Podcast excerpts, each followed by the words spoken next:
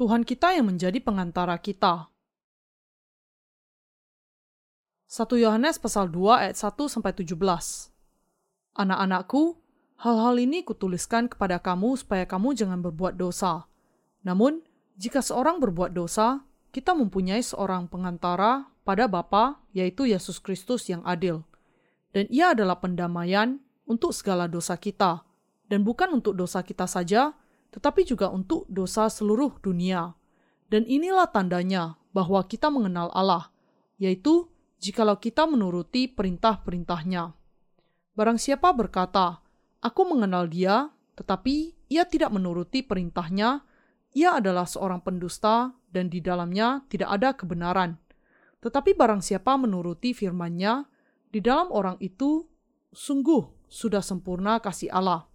Dengan itulah kita ketahui bahwa kita ada di dalam Dia. Barang siapa mengatakan bahwa ia ada di dalam Dia, ia wajib hidup sama seperti Kristus telah hidup. Saudara-saudara yang kekasih, bukan perintah baru yang kutuliskan kepada kamu, melainkan perintah lama yang telah ada padamu dari mulanya. Perintah lama itu ialah firman yang telah kamu dengar. Namun, perintah baru juga yang kutuliskan kepada kamu telah ternyata benar di dalam dia dan di dalam kamu, sebab kegelapan sedang lenyap dan terang yang benar telah bercahaya.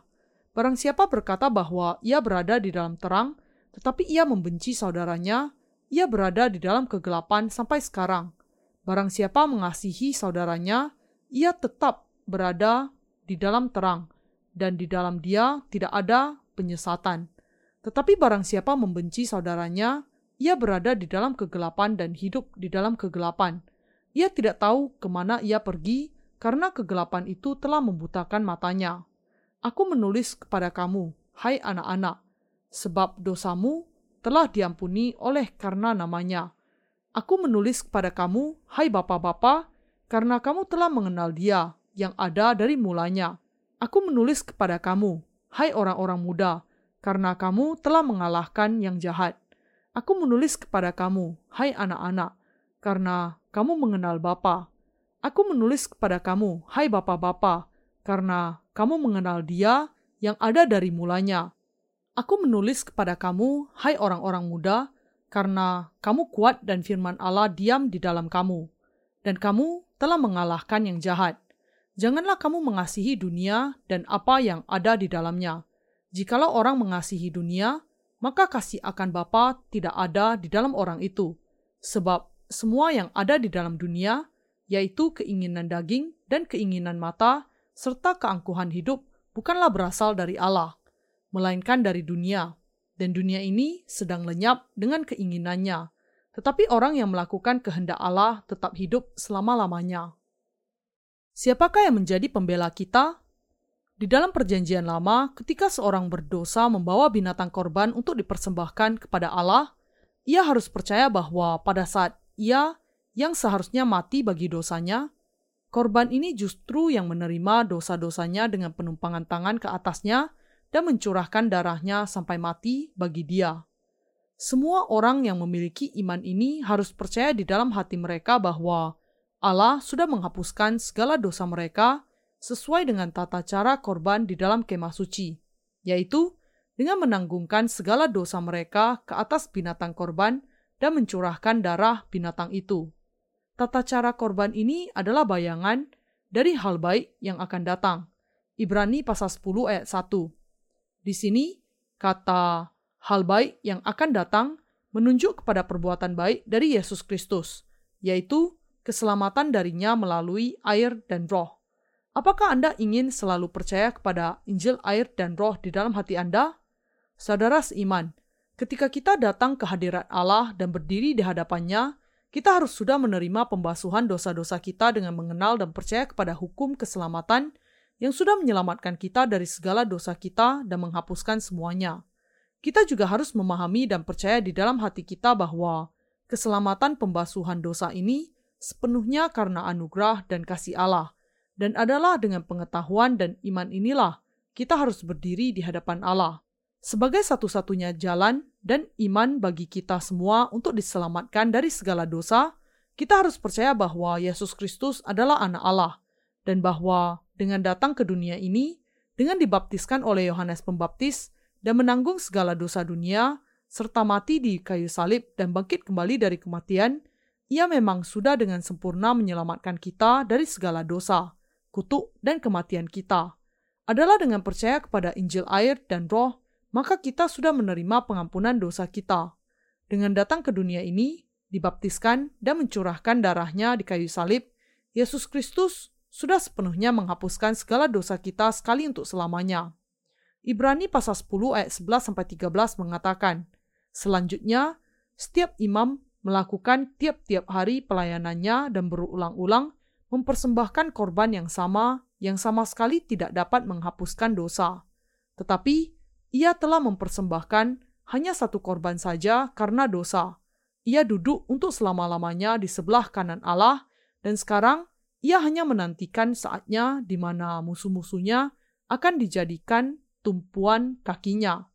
Saudara seiman yang terkasih, Yesus Kristus sudah sekaligus menghapuskan segala dosa manusia, termasuk dosa-dosa Anda, dengan datang ke dunia ini, dibaptiskan dan mencurahkan darahnya. Ia menghapuskan bukan hanya dosa-dosa yang sudah Anda dan saya lakukan sejak kita dilahirkan dan yang akan kita lakukan sampai kita mati, tetapi ia juga menghapuskan segala dosa semua keturunan kita sekali untuk selamanya. Yesus Kristus adalah Dia yang menanggung segala dosa kita dan mati bagi kita. Dia yang sudah memberikan korban keselamatan. Dengan memberikan korban penebus dosa yang kekal melalui baptisan dan kayu salib, Yesus sudah untuk selamanya menggenapkan keselamatan kita. Anda bisa menerima pembasuhan dosa Anda hanya ketika Anda percaya bahwa Yesus Kristus sudah untuk selamanya menghapuskan segala dosa Anda dengan Injil air dan Roh sekali untuk selamanya. Percayalah, Anda kemudian akan menerima pengampunan dosa yang kekal atas segala dosa Anda dan menerima kehidupan kekal. Karena itu, sangat penting bagi kita untuk memahami bahwa adalah dengan percaya kepada Yesus Kristus, penguasa Injil air dan roh, maka kita bisa menerima pengampunan dosa yang kekal. Mereka yang percaya kepada baptisan yang diterima Mesias dan darah yang dicurahkannya di kayu salib sebagai pengampunan dosa mereka, memang akan diampuni dari segala dosa mereka sekali untuk selamanya. Tetapi mereka yang tidak percaya kepada Injil kebenaran ini pasti akan menghadapi hukuman atas dosa mereka ketika hari penghakiman Allah tiba. Allah membiarkan mereka sekarang, tetapi ketika hari penghakiman tiba, semua manusia yang masih memiliki dosa akan dihukum dan menderita sampai selamanya. Mereka yang sudah menerima pengampunan dosa dengan percaya kepada Injil air dan Roh sebaliknya akan bisa mengambil bagian di dalam kemuliaan kerajaan Allah. Dalam kitab yang mana nama Anda sekarang tercatat, Wahyu pasal 20 ayat 12 sampai 15 menjelaskan bahwa mereka yang memiliki dosa di dalam hati mereka namanya tercatat di dalam kitab perbuatan. Sementara mereka yang sudah menerima pengampunan dosa dan dengan itu tidak memiliki dosa, namanya tercatat di dalam kitab kehidupan. Karena semua manusia dilahirkan sebagai orang berdosa, nama semua manusia secara otomatis tertulis di dalam kitab perbuatan. Namun, syukur kepada Tuhan yang sudah menghapuskan segala dosa kita. Orang-orang yang percaya namanya dihapuskan di kitab perbuatan dan sekarang sudah tertulis di dalam kitab kehidupan. Bagian ini juga mengatakan bahwa mereka yang namanya tertulis di dalam kitab perbuatan adalah orang-orang yang memiliki dosa di dalam hati nurani mereka, dan karena itu ia akan membuang mereka semua ke dalam api yang kekal. Wahyu pasal 20 ayat 15. Inilah penghakiman kematian kedua yang menantikan semua orang berdosa. Penghakiman kematian kedua ini adalah penghukuman atas dosa, hukuman yang membuang orang-orang berdosa ke dalam lubang api untuk hidup di sana sampai selamanya. Mereka yang namanya tertulis di dalam kitab kehidupan di sisi lain adalah orang-orang yang percaya bahwa Allah sudah dengan benar menyelamatkan mereka dari segala dosa mereka. Mereka adalah orang-orang yang percaya kepada keselamatan Allah yang tercantum dalam kain biru, kain ungu, dan kain kirmizi, dan lenan halus yang dipintal benangnya, dan yang dengan iman mereka masuk ke gerbang kemah suci, pintu gerbang surga. Tuhan kita sudah mencurahkan berkat keselamatan yang besar kepada mereka yang sungguh-sungguh sudah menerima pengampunan dosa di hati nurani mereka dengan percaya kepada Injil air dan roh. Orang-orang yang dosanya sudah dihapuskan oleh Allah adalah orang-orang yang mengenal bagaimana Yesus Kristus sudah menghapuskan segala dosa seumur hidup mereka dan mempercayainya. Adalah karena iman ini, maka Allah mengizinkan kita untuk menerima dari Dia pengampunan dosa yang kekal. Ini tertulis di dalam Ibrani pasal 10 ayat 19 sampai 22.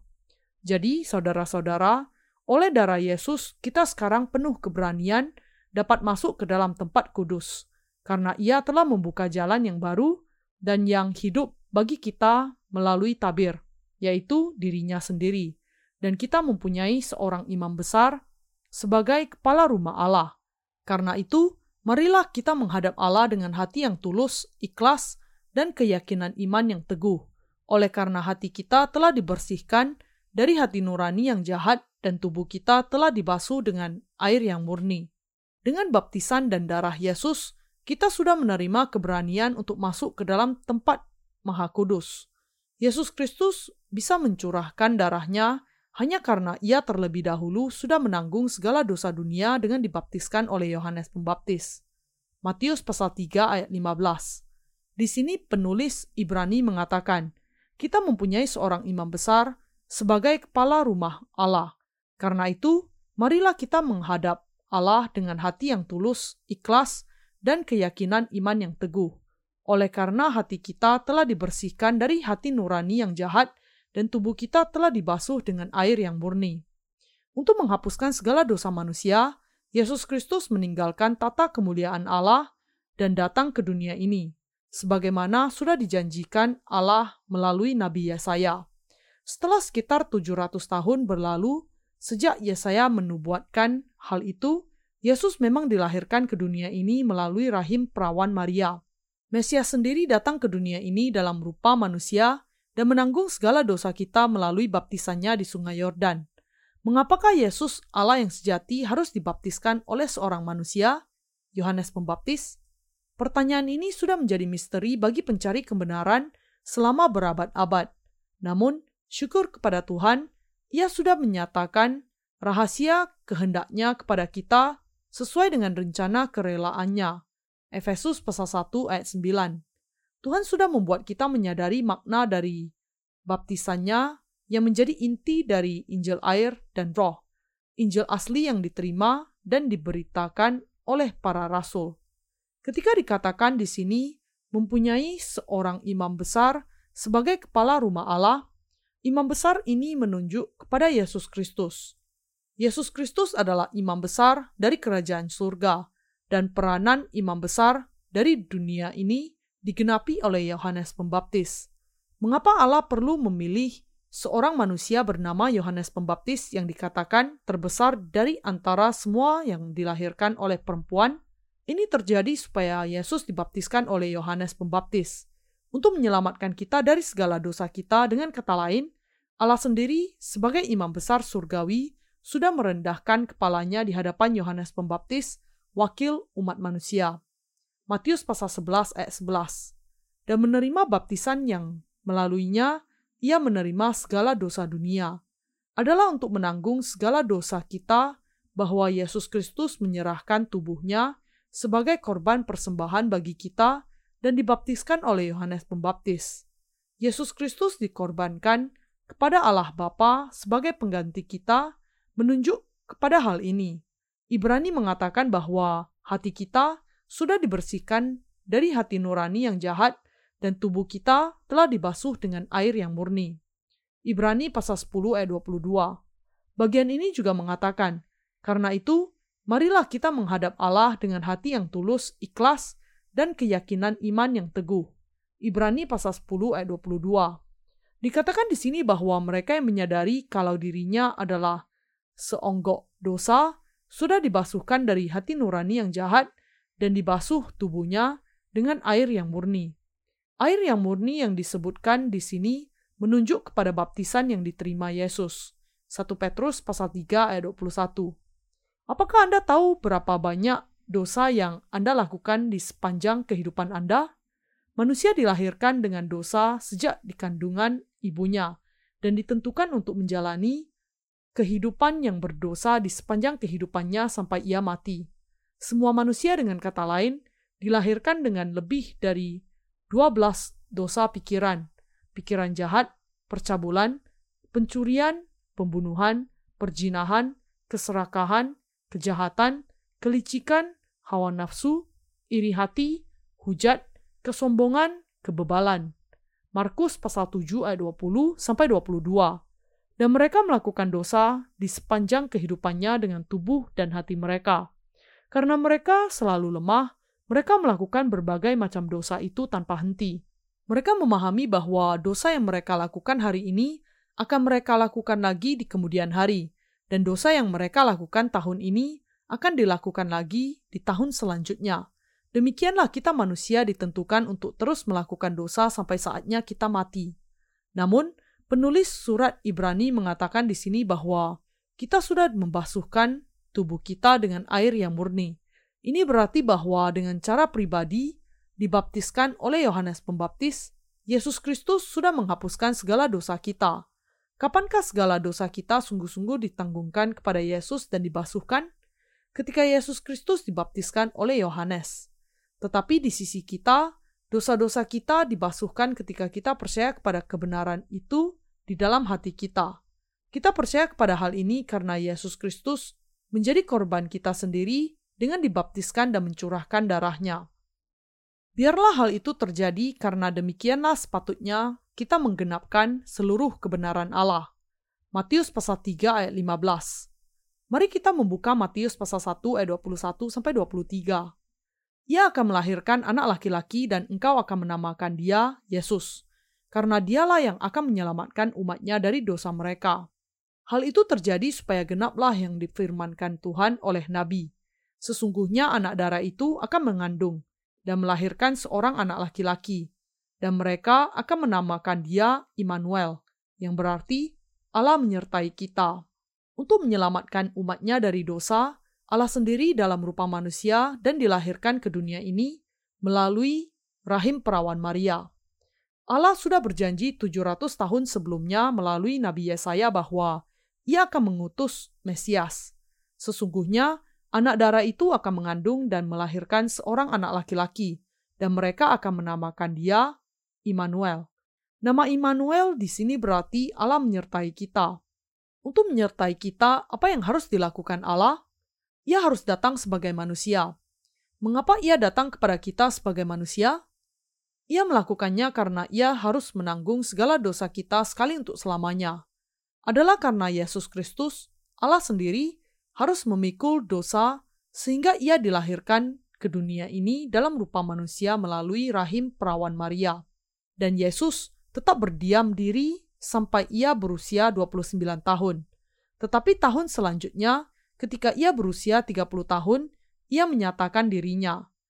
Kapan kemudian segala dosa kita ditanggungkan kepada Yesus Kristus?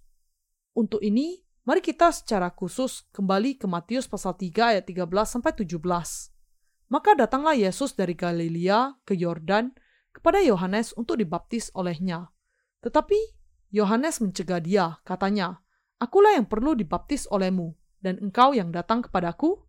Lalu Yesus menjawab, katanya kepadanya, Biarlah hal itu terjadi, karena demikianlah sepatutnya kita menggenapkan seluruh kehendak Allah. Dan Yohanes pun menurutinya. Sesudah dibaptis, Yesus segera keluar dari air dan pada waktu itu juga langit terbuka dan ia melihat roh Allah seperti burung merpati turun ke atasnya. Lalu terdengarlah suara dari surga yang mengatakan, Inilah anakku yang kukasihi, kepadanya lah aku berkenan. Alasan Yesus dibaptiskan oleh Yohanes Pembaptis. Di sini Matius pasal 3 ayat 13 mengatakan, Maka datanglah Yesus dari Galilea ke Yordan kepada Yohanes untuk dibaptis olehnya.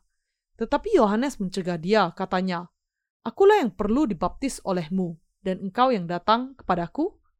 Yohanes yang disebutkan di sini adalah Yohanes Pembaptis.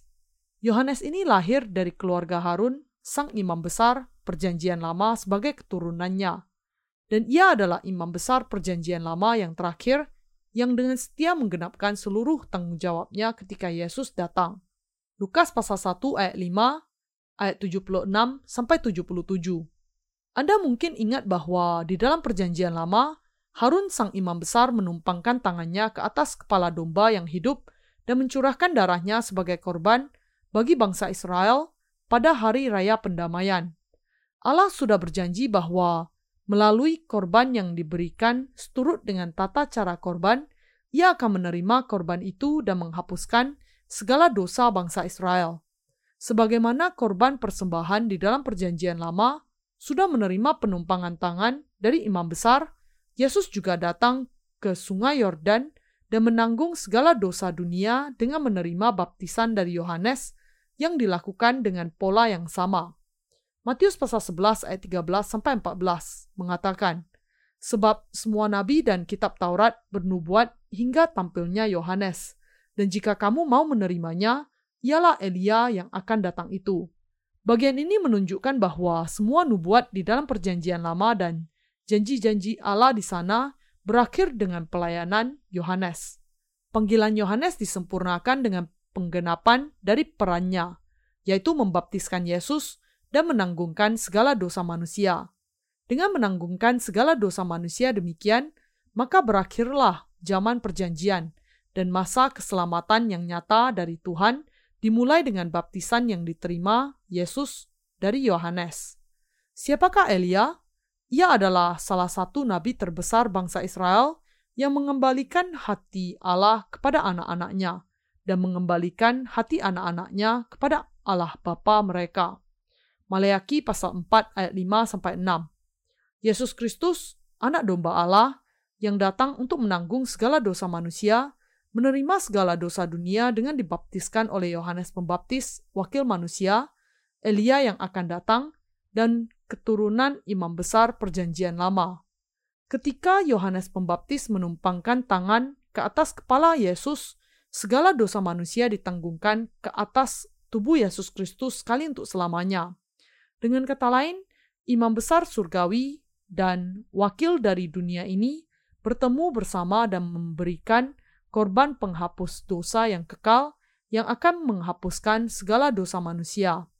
Adalah karena Yesus itu imam besar surgawi dibaptiskan oleh Yohanes yang adalah wakil manusia sehingga semua janji dan nubuat di dalam perjanjian lama digenapi.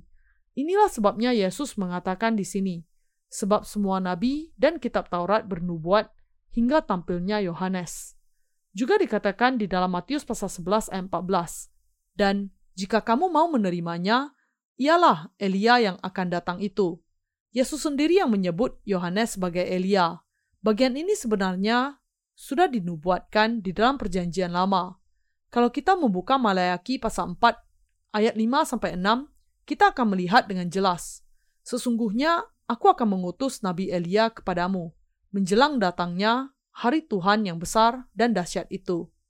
Maka ia akan membuat hati bapak-bapak berbalik kepada anak-anaknya, dan hati anak-anak kepada bapak-bapaknya, supaya jangan aku datang memukul bumi sehingga musnah.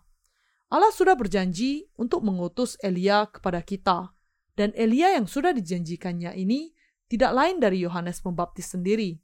Elia, salah satu nabi terbesar di dalam Perjanjian Lama, adalah nabi yang penting sekali yang akan membalikkan semua bangsa Israel kepada Allah. Elia ini adalah seorang yang hidup pada abad 9 sebelum Masehi. Sudah 800 tahun berlalu semenjak Yesus mengatakan hal ini. Bagaimana kemudian Allah akan mengutus Elia Janji ini adalah bahwa Allah akan mengutus seseorang yang akan menggenapkan peranan Elia. Karena itu, bagian di sini jelas menubuatkan mengenai Yohanes Pembaptis. Dengan membaptiskan Yesus, Yohanes Pembaptis membalikkan hati semua manusia kembali kepada Allah. Di dalam Matius pasal 11 ayat 11 sampai 12, Yesus sendiri juga memberikan kesaksian mengenai Yohanes Pembaptis. Aku berkata kepadamu, sesungguhnya di antara mereka yang dilahirkan oleh perempuan tidak pernah tampil seorang yang lebih besar daripada Yohanes Pembaptis. Namun yang terkecil dalam kerajaan surga lebih besar daripadanya. Sebab tampilnya Yohanes Pembaptis hingga sekarang, kerajaan surga diserong, dan orang yang menyerongnya mencoba menguasainya. Apa arti bagian ini? Artinya adalah bahwa Allah berjanji untuk menghapuskan segala dosa semua manusia sampai selamanya, dan bahwa sesuai dengan janji ini, ia menerima sebagai imam besar surgawi segala dosa manusia melalui imam besar dunianya. Dan dinyatakan bahwa barang siapa percaya kepada baptisan Yesus sekarang bisa dengan berani masuk ke dalam surga dengan iman ini karena memang tidak mungkin untuk selamanya menghapuskan segala dosa sekali untuk selamanya menggunakan anak domba atau lembu perjanjian lama. Korban dalam bentuk lain diperlukan. Namun di dunia ini tidak ada korban yang tidak bercacat yang bisa sepenuhnya dan sampai selamanya menghapuskan segala dosa kita. Karena itu anak Allah yang tidak berdosa, Yesus Kristus harus datang ke dunia ini dan menjadi korban persembahan sebagaimana Yesus Kristus datang ke dunia ini untuk memberikan korban kekal bagi umatnya, juga harus ada wakil dari manusia, imam besar yang akan menanggungkan segala dosa mereka kepadanya, anak domba Allah. Inilah sebabnya harus ada Yohanes Pembaptis keturunan Harun yang dipersiapkan Allah untuk tujuan ini. Hanya Harun dan keturunannya yang adalah para imam besar di masa Perjanjian Lama yang memenuhi syarat untuk mempersembahkan korban pada hari raya pendamaian. Dengan demikian, Allah tidak bisa hanya mengangkat sembarang manusia menjadi imam besar dunia. Jadi, Allah mempersiapkan wakil manusia dari keturunan imam besar, yaitu dari keturunan Harun. Wakil ini adalah Yohanes Pembaptis yang dilahirkan dari Zakaria dan Elizabeth enam bulan sebelum Yesus dilahirkan. Kedua orang tua Yohanes, Zakaria dan Elizabeth. Keduanya adalah keturunan Harun.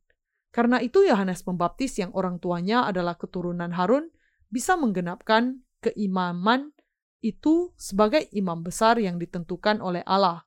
Dan ia adalah wakil manusia yang sungguh-sungguh memenuhi syarat untuk menanggungkan segala dosa manusia kepada Yesus. Karena Yohanes Pembaptis, Elia yang akan datang itu yang bisa mengembalikan hati anak-anak kepada bapaknya adalah imam besar dunia yang sudah dipersiapkan Allah. Ia membaptiskan Yesus Kristus yang menjadi korban persembahan dalam bentuk penumpangan tangan seperti di perjanjian lama. Yohanes Pembaptis membaptiskan Yesus dengan menumpangkan tangan ke atas kepalanya. Yesus berusia 30 tahun pada saat itu. Keturunan Harun bisa memulai tugas keimaman mereka sejak usia 30 tahun. Bilangan pasal 4 ayat 3. Ketika Yohanes Pembaptis membaptiskan Yesus, segala dosa manusia ditanggungkan kepadanya. Karena itu, kita tidak perlu lagi korban lain untuk menghapuskan segala dosa kita. Ibrani pasal 10 ayat 18. Yohanes Pembaptis adalah imam besar terakhir dari masa perjanjian lama. Allah mengutus Yohanes Pembaptis, Elia yang akan datang itu, dan enam bulan kemudian ia juga mengutus anaknya Yesus sebagai korban yang tak bercacat dan tak bernoda bagi manusia. Dengan membuat Yohanes memberikan baptisan kepada Yesus dan membuat Yesus menerima baptisan ini dari Yohanes, Allah sudah menanggungkan segala dosa kita kepada Yesus. Dengan melakukannya pemeliharaan dan janji Allah digenapi, Yohanes Pembaptis, imam besar dunia ini, menumpangkan tangan ke atas kepala Yesus, korban persembahan kita, dan dengan menerima penumpangan tangan, Yesus masuk ke dalam air dan kemudian keluar lagi. Yesus menerima baptisan yang menggenapkan seluruh kebenaran Allah. Masuknya Yesus ke dalam air melambangkan kematiannya, dan bahwa ia naik kembali dari air melambangkan kebangkitannya. Dan penumpangan tangan yang diterima Yesus dari Yohanes menjelaskan bahwa ia menerima segala dosa kita. Baptisan Yesus itu yang dituliskan di dalam Matius pasal 3 ayat 13 sampai 17 adalah untuk menerima segala dosa dunia. Untuk menanggung segala dosa kita, Yesus Kristus meminta pembaptisan dari Yohanes Pembaptis di Sungai Yordan, di mana Yohanes Pembaptis memberikan baptisan pertobatan kepada bangsa Israel. Pada awalnya, Yohanes menolak dengan mengatakan, Akulah yang perlu dibaptis olehmu, dan engkau yang datang kepadaku? Yohanes Pembaptis berusaha untuk mencegah Yesus dibaptiskan karena ia tahu bahwa Sementara ia hanyalah imam besar dunia ini, Yesus Kristus adalah imam besar surgawi. dan bahwa dia tidak bisa menerima kalau dirinya sebagai manusia biasa menumpangkan tangan ke atas kepala Allah. Tetapi Yesus kemudian memerintahkannya dengan tegas, biarlah hal itu terjadi. Mengapakah imam besar surgawi datang ke dunia ini? Ia datang ke dunia ini untuk selamanya menyelamatkan kita dari segala dosa kita sekali untuk selamanya, bukan dengan mempersembahkan darah lembu atau domba, tetapi dengan mempersembahkan tubuhnya sendiri. Ibrani pasal 9 ayat 12.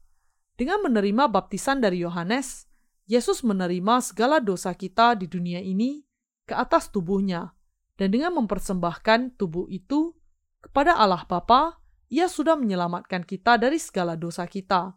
Demikian, Yesus menerima segala dosa kita dengan dibaptiskan, mempersembahkan tubuhnya kepada Allah Bapa dengan disalibkan, dan dengan itu menjadi korban penebusan dosa bagi pendamaian atas segala dosa kita, dan dengan itu menyelamatkan kita semua. Kemudian Yesus mengatakan dengan tegas kepada Yohanes yang ragu-ragu ini, Biarlah hal itu terjadi, karena demikianlah sepatutnya kita menggenapkan seluruh kehendak Allah. Yohanes Pembaptis kemudian juga memahami kehendak Yesus dan taat kepadanya. Akhirnya, ia menumpangkan tangan ke atas kepala Mesias, dan inilah saatnya kehendak Allah dengan benar digenapi. Lalu Alkitab mengatakan, sesudah dibaptis, Yesus segera keluar dari air, dan pada waktu itu juga langit terbuka dan ia melihat roh Allah seperti burung merpati turun ke atasnya. Lalu terdengarlah suara dari surga yang mengatakan, Inilah anakku yang kukasihi, kepadanya lah aku berkenan. Matius pasal 3 ayat 16-17 Kata baptisan berarti dibasuhkan, diselamkan ke dalam air, dan dikuburkan. Ketika dosa ditanggungkan, maka yang menerima dosa itu harus mati. Karena orang yang menanggungkan dosa sudah dibasuhkan dari dosa, dan karena orang yang menerimanya harus mati, ia harus dikuburkan, yaitu dengan kata lain, sebagai gambaran untuk kematian ini, Yesus masuk ke dalam air. Yohanes Pembaptis wakil umat manusia, Elia yang akan datang, dan imam besar membaptiskan Yesus dan dengan itu menanggungkan segala dosa dunia kepada Yesus Kristus juru selamat yang datang ke dunia ini untuk dengan sempurna menyelamatkan kita dari segala dosa kita. Makna rohani dari baptisan adalah penanggungan dosa. Apa kemudian makna rohani dari penumpangan tangan? Penumpangan tangan juga berarti menanggungkan dosa atau memindahkan dosa. Karena itu penumpangan tangan di dalam perjanjian lama dan baptisan di dalam perjanjian baru adalah sama. Dengan demikian, dengan menumpangkan tangan ke atas kepala Yesus, Yohanes Pembaptis membaptiskan dia untuk menanggungkan segala dosa dunia. Bahwa Yesus menanggung segala dosa kita dengan dibaptiskan adalah sesuai untuk menggenapkan seluruh kebenaran Allah. Apakah makna dari istilah demikianlah di dalam bagian di atas? Biarlah hal itu terjadi, karena demikianlah sepatutnya kita menggenapkan seluruh kebenaran Allah. Kata demikianlah adalah hutos dalam bahasa Yunaninya, yang berarti dengan cara ini paling tepat atau tidak ada cara lain kecuali ini. Kata ini menunjukkan bahwa Yesus menanggung segala dosa manusia ke atas dirinya melalui baptisan yang diterimanya dari Yohanes. Dengan kata lain, tidak ada yang lain yang lebih tepat untuk menggenapkan seluruh kebenaran Allah kecuali cara yang dilakukan oleh Yohanes Pembaptis ini, wakil manusia untuk membaptiskan Yesus anak Allah dan dengan demikian menanggung segala dosa manusia. Ada tertulis, karena begitu besar kasih Allah akan dunia ini, sehingga ia telah mengaruniakan anaknya yang tunggal, supaya setiap orang yang percaya kepadanya tidak binasa, melainkan beroleh hidup yang kekal. Yohanes pasal 3 ayat 16 Dengan mengutus anaknya Yesus Kristus ke dunia ini, Allah Bapa membuatnya menerima baptisan dari wakil umat manusia dengan cara itu adalah karena Yesus sudah menerima segala dosa kita dengan dibaptiskan oleh Yohanes Pembaptis sehingga ia bisa memikul segala dosa dunia dan mati di kayu salib. Demikian, Yesus adalah korban penebus dosa kita yang kekal yang sudah sepenuhnya menyelamatkan kita dengan dibaptiskan dan mati di kayu salib. Inilah pemeliharaan Allah. Inilah sebabnya Yesus mengatakan di dalam Yohanes pasal 3 ayat 5. Aku berkata kepadamu, sesungguhnya jika seorang tidak dilahirkan dari air dan roh, ia tidak dapat masuk ke dalam kerajaan Allah. Adalah karena Yesus Kristus sudah menerima segala dosa kita dengan dibaptiskan, sehingga ia disalibkan dan mencurahkan darahnya menggantikan kita. Keesokan hari setelah pembaptisannya, Yohanes Pembaptis secara pribadi memberikan kesaksian mengenai Yesus dengan mengatakan, Lihatlah anak domba Allah yang menghapus dosa dunia. Yohanes pasal 1 ayat 29. Dan Yesus dengan memikul segala dosa dunia ke kayu salib setelah disalibkan, sudah menyelamatkan kita dari segala dosa itu. Saudara Kristen yang terkasih, Anda dan saya harus percaya kepada Injil air dan roh ini. Yesus Kristus menerima segala dosa kita melalui baptisannya, disalibkan menggantikan kita, bangkit kembali dari kematian pada hari yang ketiga, dan hidup, bahkan sampai sekarang dan sampai selama-lamanya. Anda juga harus percaya kepada Yesus Kristus sebagai Allah dan Juru Selamat Anda. Dengan menerima segala dosa kita melalui baptisannya dan mati di kayu salib, Yesus sudah secara lengkap menggenapi hukum yang menyatakan bahwa upah dosa adalah maut. Dengan cara ini, Tuhan sudah menyelamatkan Anda dan saya dari segala dosa kita. Inilah sebabnya Allah Bapa membuka gerbang surga ketika anaknya dibaptiskan. Alkitab mengatakan bahwa ketika Yesus dibaptiskan dan keluar dari air, pintu gerbang surga terbuka. Sesudah dibaptis, Yesus segera keluar dari air dan pada waktu itu juga langit terbuka dan ia melihat roh Allah seperti burung merpati turun ke atasnya. Lalu terdengarlah suara dari surga yang mengatakan, Inilah anakku yang kukasihi, kepadanya lah aku berkenan. Matius pasal 3 ayat 16 sampai 17. Allah berkenan bahwa Yesus dibaptiskan. Allah Bapa kita menggenapi keselamatan melalui anaknya dengan menjadikan anaknya sebagai korban persembahan untuk dosa-dosa kita ia menjadikan Yesus menanggung segala dosa kita dan hukumannya, dan dengan itu sudah menyelamatkan semua manusia. Untuk menyelamatkan manusia dari segala dosa mereka sesuai dengan janjinya, di dalam perjanjian lama, Allah Bapa menggenapi kebenarannya dengan cara yang dijanjikannya. Dalam bagian hari ini, Rasul Yohanes mengatakan, Anak-anakku, hal-hal ini kutuliskan kepada kamu supaya kamu jangan berbuat dosa. Namun, jika seorang berbuat dosa, kita mempunyai seorang pengantara pada Bapa, yaitu Yesus Kristus yang adil, dan ia adalah pendamaian untuk segala dosa kita, dan bukan untuk dosa kita saja, tetapi juga untuk dosa seluruh dunia. 1 Yohanes pasal 2 ayat 1 sampai 2. Kita harus memahami bahwa Yohanes berbicara mengenai Injil air dan Roh di dalam bagian ini. Dengan kata lain, Yesus sudah menghapuskan segala dosa dunia, Siapa yang menjadi pengganti bagi seluruh dunia? Yesus Kristus adalah Tuhan yang untuk menghapuskan segala dosa dunia dibaptiskan oleh Yohanes Pembaptis, dan dengan itu menanggung segala dosa dunia dan membasuhkannya sekali untuk selamanya. Yang dijelaskan Rasul Yohanes di sini karena itu bukan bahwa kita harus diampuni dari dosa-dosa harian kita setiap kali kita melakukan dosa dengan doa pertobatan, tetapi bahwa Yesus sudah menghapuskan segala dosa sekali untuk selamanya melalui Injil air dan Roh. Siapakah pengantara kita? Hanya Yesus Kristus yang sudah membebaskan kita dari segala dosa dunia itulah pengantara kita. Bagian ini menjelaskan kepada kita bahwa kalau ada orang di dunia ini yang melakukan dosa, kita memiliki Yesus Kristus sebagai pembela di hadapan Bapa. Pembela di sini menunjuk kepada Tuhan kita, menjelaskan bahwa Yesus Kristus berbicara kepada Bapa untuk membela kita atas dosa-dosa kita.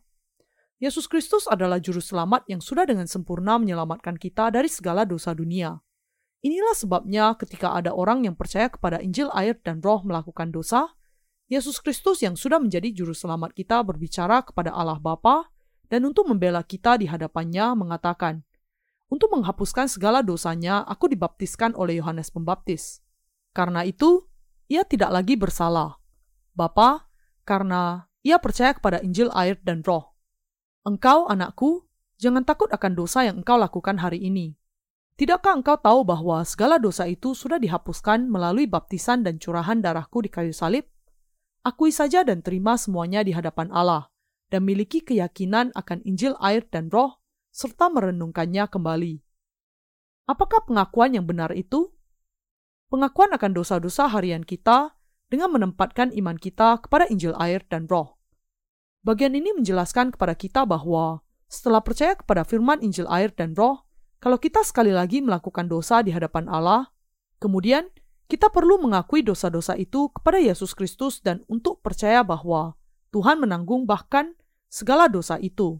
Yang perlu kita pahami di sini dengan jelas adalah bahwa bukan karena pengakuan itu sendiri dosa-dosa kita dihapuskan, namun adalah karena Tuhan menanggung segala dosa pribadi kita melalui baptisan yang diterimanya, sehingga semua pelanggaran pribadi kita dibereskan dengan iman kita. Ini karena ketika Yesus datang ke dunia ini dan dibaptiskan oleh Yohanes Pembaptis, ia sudah menanggung segala dosa dunia ini sekali untuk selamanya. Dan karena ia sudah menanggung hukuman atas dosa-dosa kita di kayu salib, yang harus kita lakukan adalah mengakui semuanya dengan percaya kepada Injil, air, dan Roh. Dengan demikian, dengan percaya bahwa Tuhan sudah menanggung segala dosa yang kita pernah dan akan lakukan di sepanjang kehidupan kita di dunia ini, kita diselamatkan dari segala dosa kita dan dibebaskan dari rasa bersalah kita. Yang dijelaskan oleh Rasul Paulus di sini adalah bahwa ia menghendaki agar kita di dalam Yesus Kristus jangan sampai tetap berdiam di dalam dosa. Inilah sebabnya Yesus Kristus sendiri menjadi pengganti bagi dosa-dosa kita di hadapan Allah Bapa. Rasul Yohanes dengan kata lain mendorong kita untuk tetap berdiam di dalam Injil yang sempurna dan hidup di dalam iman yang sempurna. Hanya dengan itu kita bisa sungguh-sungguh menjalani kehidupan iman yang benar. Adalah ketika kita mengenal kebenaran ini bahwa kita bisa membasuhkan segala dosa kita hanya di dalam Tuhan dan bahwa kita tidak akan pernah lagi berdiam di dalam kelemahan kita dan kita bisa menjadi para pekerja Allah. Dengan kata lain, dengan percaya kepada Injil air dan roh, kita tidak lagi berada di bawah kutuk. Dan inilah yang membuat kita bisa membuat pengakuan dosa yang benar yang memampukan kita untuk memanggil Yesus Kristus sebagai juru selamat yang benar. Mengapa? Karena dengan percaya kepada Injil yang benar itu di dalam hati kita, kita semua bisa dengan berani menghadap hadirat Allah yang kudus. Mereka yang percaya kepada Injil air dan roh, Injil yang benar yang diberikan Tuhan kepada kita, sudah dibebaskan dari segala dosa yang mereka lakukan sekali untuk selamanya melalui iman. Hanya dengan percaya kepada Injil yang sempurna ini saja, kita sudah diselamatkan dari segala dosa yang kita lakukan di sepanjang kehidupan kita. Injil yang benar yang membawa kita kepada keselamatan dari segala dosa dunia adalah bahwa ketika Tuhan datang ke dunia ini, ia dibaptiskan. Ia sudah menanggung segala dosa dunia ke atas tubuhnya. Iman kepada kebenaran ini berarti percaya bahwa Tuhan sudah menyelamatkan kita dari segala dosa untuk selamanya. Hanya dengan percaya kepada Injil, air, dan Roh, kita bisa diselamatkan. Namun, kita semua masih melakukan dosa lagi selama kita masih hidup di dunia ini. Ini karena semua manusia memiliki daging dan senantiasa lemah. Namun, kita tidak menjadi orang berdosa lagi. Itu karena Yesus Kristus yang sudah menghapuskan segala dosa kita dan menjadi pembela kita masih ada di pihak kita sehingga mereka yang percaya kepada Injil air dan roh akan tetap sempurna. Apakah kita terus melakukan dosa selama hidup di dunia? Ya, tetapi Tuhan kita juga sudah menghapuskan segala dosa yang demikian. Saudara Kristen, apakah kita terus melakukan dosa selama hidup di dunia? Tentu saja, kita memang terus melakukan dosa sampai hari kematian kita.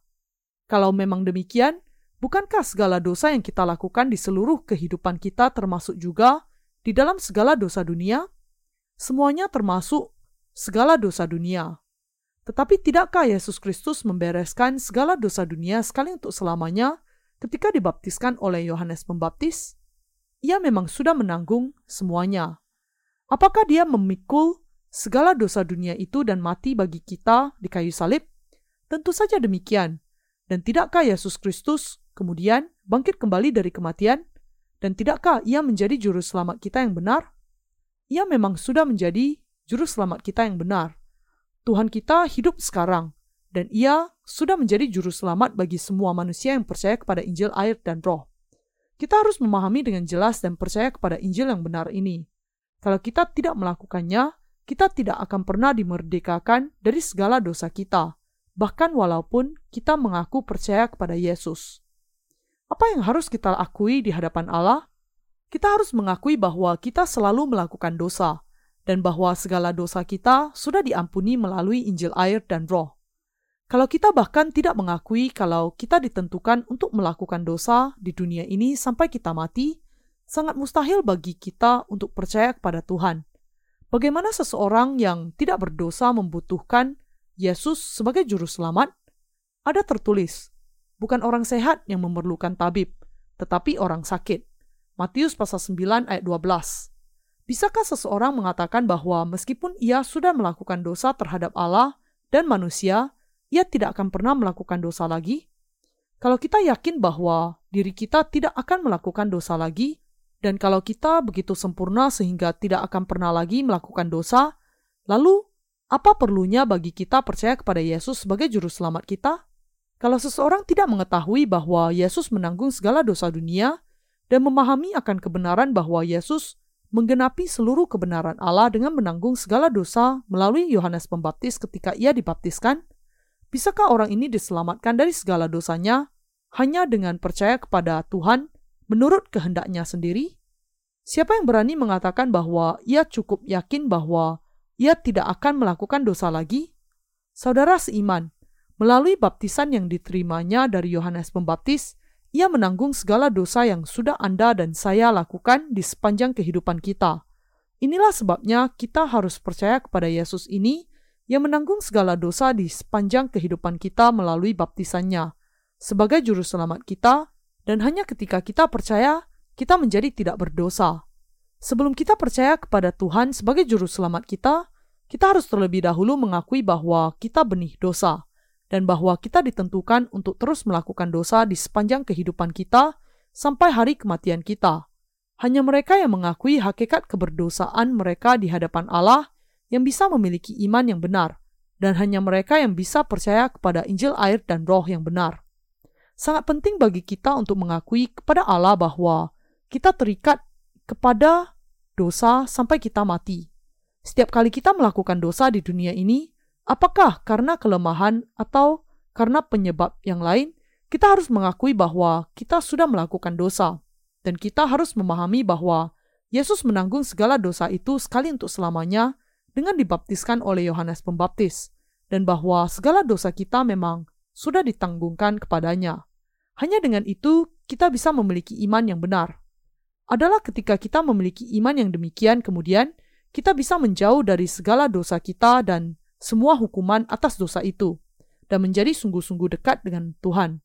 Adalah Injil, air, dan Roh yang menjadikan kita sungguh-sungguh bersih dan menjauh dari kegelapan. Bukannya berusaha menyembunyikan dosa kita dari Allah, sementara menjalani kehidupan iman kita di hadapannya, kita perlu datang kepada terang kebenarannya yang bersinar dan mengakui, Tuhan, saya orang yang berdosa. Saya terikat kepada dosa sampai kematian saya. Tetapi saya yakin bahwa Yesus datang ke dunia ini untuk menyelamatkan saya dari segala dosa saya dan bahwa ia menerima segala dosa dunia dengan dibaptiskan oleh Yohanes Pembaptis. Dengan percaya kepada kebenaran Injil air dan roh dan mengakui dosa kita, kita menjadi dekat dengan Allah di dalam terang kebenarannya karena Tuhan sudah menanggung segala dosa kita sekali untuk selamanya melalui Injil air dan roh. Sebagaimana korban persembahan di dalam perjanjian lama menerima segala dosa bangsa Israel dengan penumpangan tangan, Tuhan kita menerima segala dosa dunia melalui Yohanes Pembaptis. Bagi kita untuk percaya demikian kepada apa yang dilakukan Tuhan bagi kita adalah iman yang benar.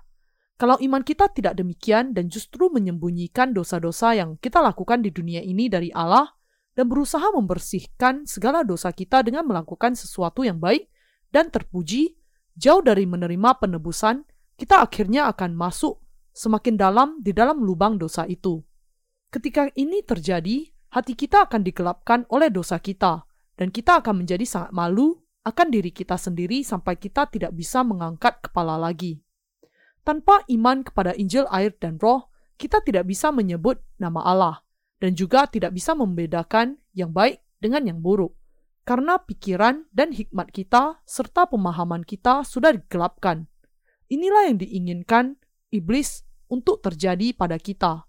Bagi mereka yang tidak percaya kepada Injil air dan roh, dan karena itu tidak hanya tidak menanggungkan segala dosa mereka kepada Yesus, tetapi bahkan juga menyembunyikan diri terhadap Allah, murka Allah yang besar akan tiba.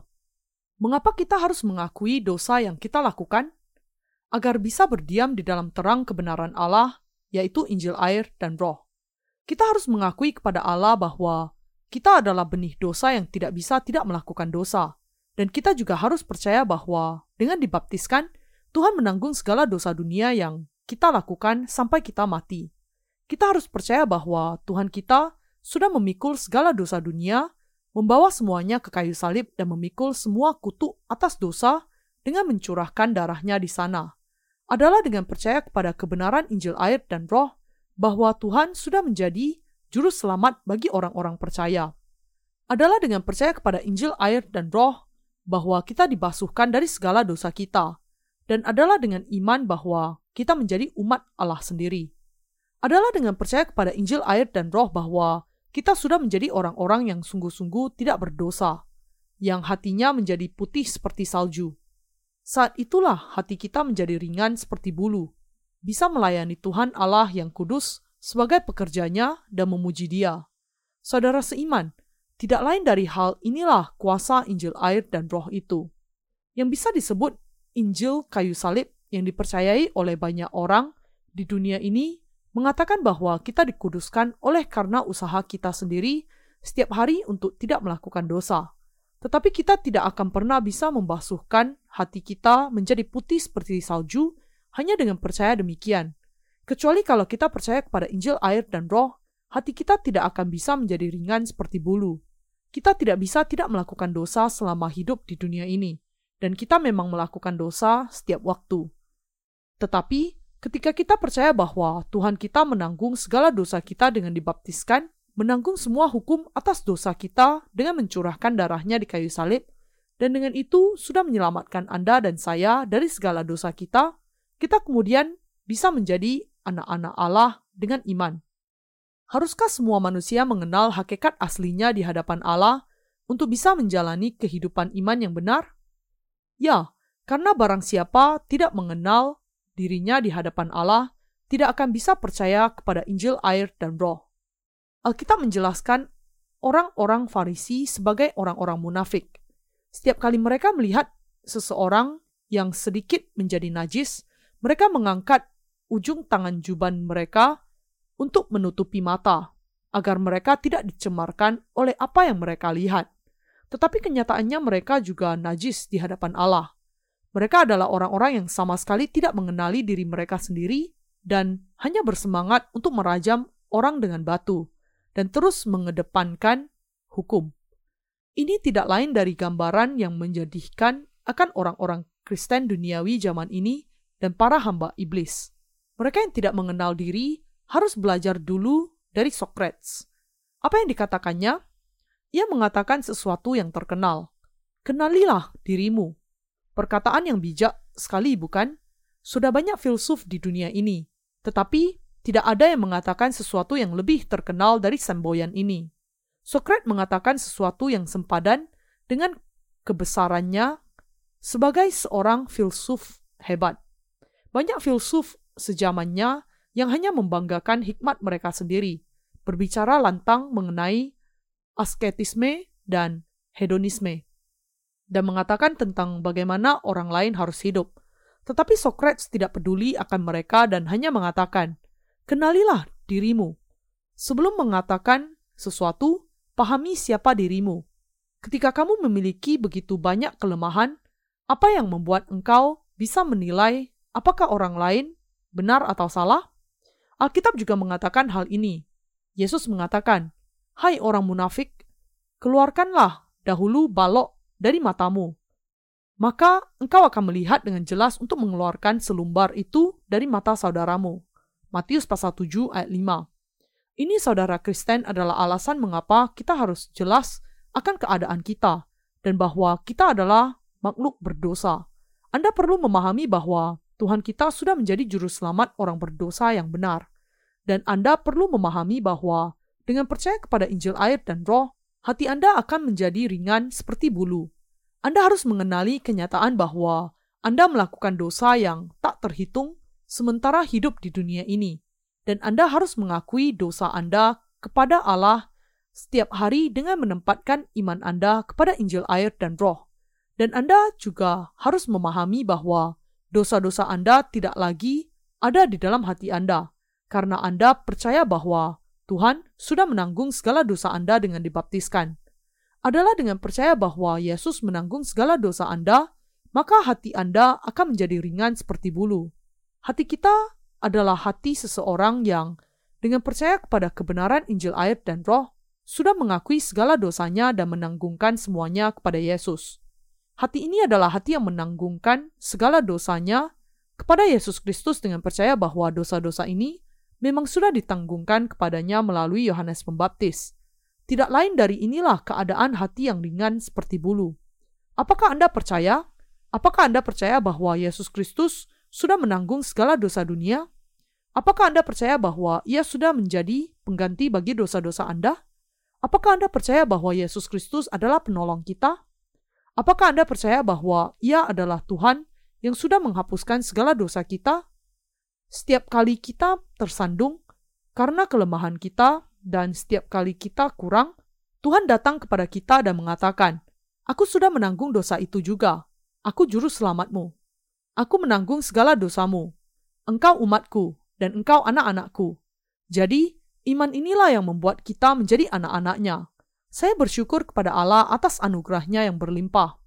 Rasul Yohanes mengatakan, Anak-anakku, hal-hal ini kutuliskan kepada kamu, supaya kamu jangan berbuat dosa. Namun, jika seorang berbuat dosa, kita mempunyai seorang pengantara pada Bapa, yaitu Yesus Kristus yang adil. Dan ia adalah pendamaian untuk segala dosa kita, dan bukan untuk dosa kita saja, tetapi juga untuk dosa seluruh dunia. Saudara seiman, ada banyak orang yang seperti orang-orang Farisi yang hidup dalam keadaan yang berbalik dengan bagian ini. Orang-orang yang demikian menganggap diri sangat terpuji dan jujur.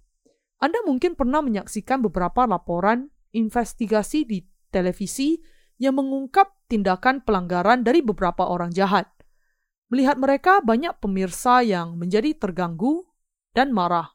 Tetapi kenyataannya adalah bahwa di hadapan Allah tidak diragukan bahwa mereka sendiri sama saja. Baik jurnalis yang mengungkap kisah itu dan juga penjahat yang diungkap kejahatannya sama saja di hadapan Allah, yaitu bahwa mereka sama saja manusia yang melakukan dosa setiap waktu. Namun ada beberapa orang yang membiarkan munculnya pikiran yang aneh, yaitu ada orang-orang yang percaya bahwa mereka bukan orang jahat sama sekali, tidak lain dari orang yang demikian yang sakit jiwa. Saya berbeda dengan penjahat itu.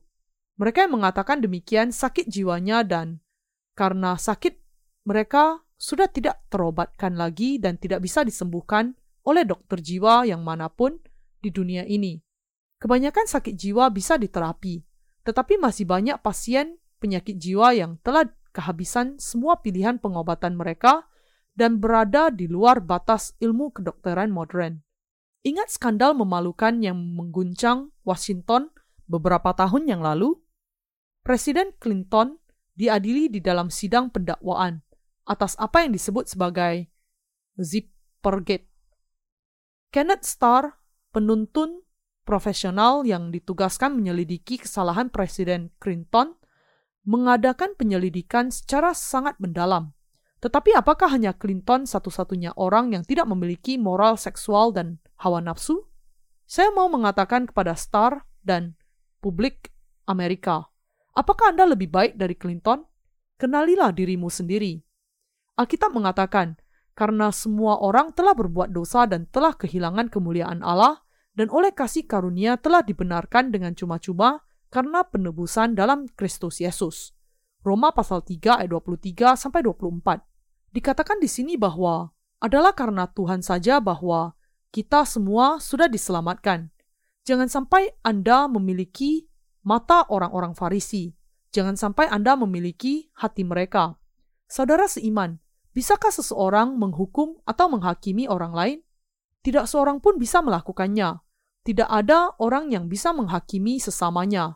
Ingat kisah mengenai wanita yang tertangkap karena berzina? Orang-orang Farisi dan ahli Taurat ingin mengerajam dia dengan batu. Tetapi apa yang dikatakan Yesus? Ia mengatakan kepada mereka, Barang siapa di antara kamu tidak berdosa, hendaklah ia yang pertama melemparkan batu kepada perempuan itu. Yohanes pasal 8 ayat 7 Jenis orang yang dianggap oleh Yesus sebagai orang yang pendendam, usil, dan tidak berbelas kasihan adalah orang-orang Farisi dan ahli Taurat. Ada banyak orang seperti itu di dunia ini.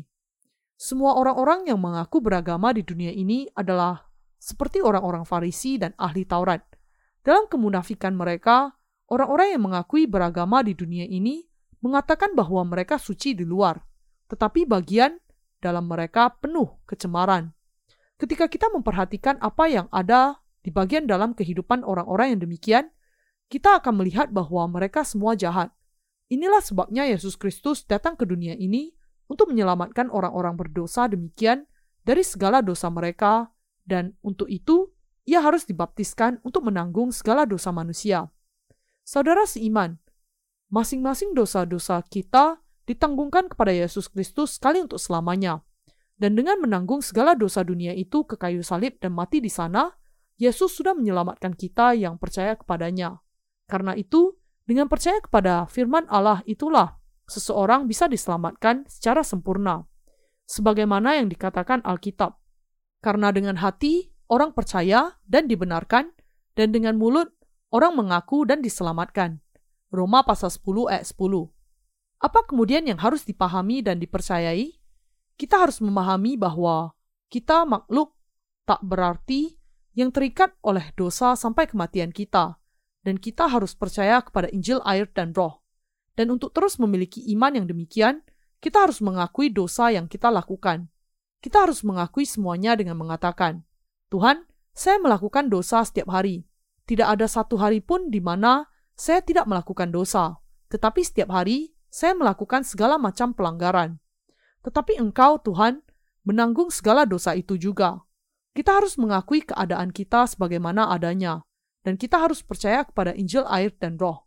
Kalau kita tidak demikian, kita tidak akan pernah bisa diselamatkan dari segala dosa kita. Bagi kita semua, dengan kata lain, tidak ada yang bisa diselamatkan dari segala dosa kecuali kalau kita percaya kepada Injil air dan roh. Dalam 1 Yohanes pasal 2 ayat 3 sampai 11, Rasul Yohanes melanjutkan dengan menjelaskan, dan inilah tandanya bahwa kita mengenal Allah, yaitu jikalau kita menuruti perintah-perintahnya. Barang siapa berkata, aku mengenal dia tetapi tidak menuruti perintahnya, ia adalah seorang pendusta, dan di dalamnya tidak ada kebenaran. Tetapi barang siapa menuruti firman-Nya di dalam orang itu, sungguh sudah sempurna kasih Allah. Dengan itulah kita ketahui bahwa kita ada di dalam Dia. Barang siapa mengatakan bahwa ia ada di dalam Dia, ia wajib hidup sama seperti Kristus telah hidup. Saudara-saudara yang kekasih, bukan perintah baru yang kutuliskan kepada kamu, melainkan perintah lama yang telah ada padamu dari mulanya. Perintah lama itu ialah firman yang telah kamu dengar.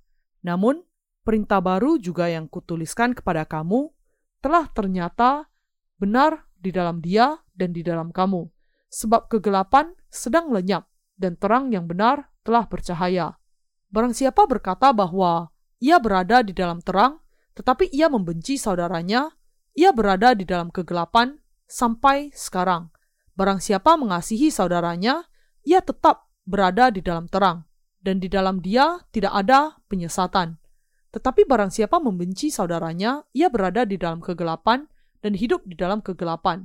Ia tidak tahu ke mana ia pergi, karena kegelapan itu telah membutakan matanya. Titik kunci yang menyimpulkan bagian ini adalah barang siapa mentaati perintahnya, memahami bahwa ia berdiam di dalam Allah. Tetapi barang siapa tidak mentaati, berdiam di dalam kegelapan. Bagi kita untuk hidup sesuai dengan perintah Allah berarti mengasihi Allah dan mengasihi sesama. Kalau diringkas menjadi satu pertanyaan, yang menjadi pokok di sini adalah apakah orang-orang benar saling mengasihi atau tidak. Dengan kata lain, yang dipertaruhkan di sini adalah apakah orang-orang benar saling membenci atau saling iri hati, atau mereka saling mengasihi. Apakah orang-orang benar memahami bahwa mereka memang sudah menjadi anak-anak Allah? Apakah mereka memahami bahwa mereka sudah mengenakan anugerah yang sama yang diberikan oleh Yesus Kristus dan memberikan penerimaan yang sama kepada sesamanya? Dan apakah mereka saling mengasihi?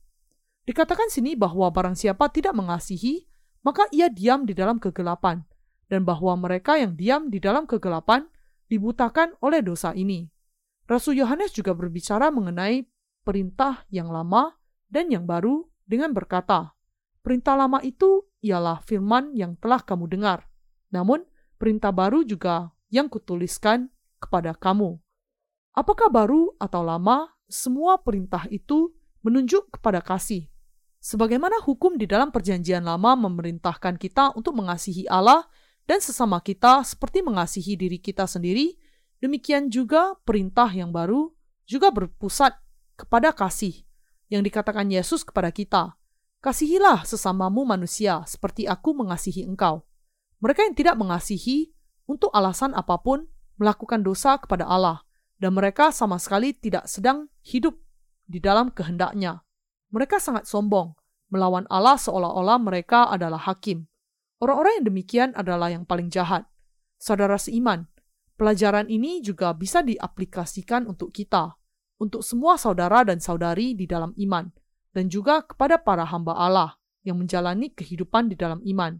Tidak ada yang lebih berlawanan daripada percaya bahwa diri kita bebas dari masalah, namun memandang rendah orang-orang yang lebih buruk dari kita, dan untuk menunjukkan semua kelemahan yang dimiliki orang-orang lain, sementara tidak bisa melihat kelemahan kita sendiri. Kita kemudian harus sungguh-sungguh saling mengasihi. Kasih ini tidak hanya terlihat di permukaan saja, tetapi yang harus terus bertumbuh di dalam kedalaman hati kita, dengan memahami bahwa sesama orang percaya adalah saudara kita dan umat Allah. Hati yang peduli ini harus menjadi milik kita. Barang siapa tidak memiliki hati yang demikian, sedang ada di jalur yang salah.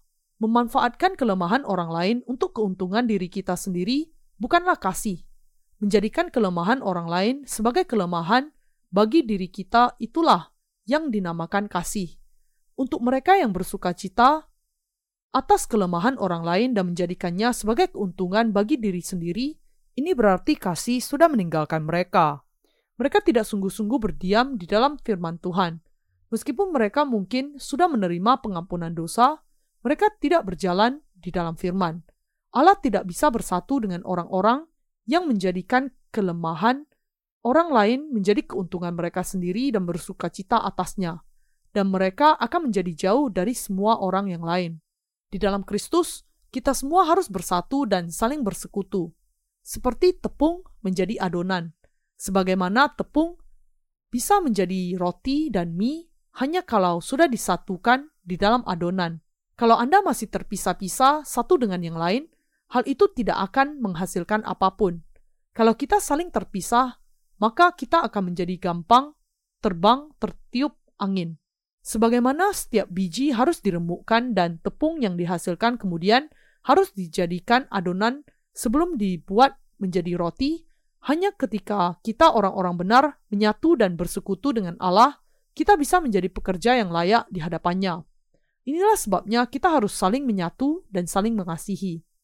Kita semua harus mengingat Tuhan yang sudah menjadi pembela kita.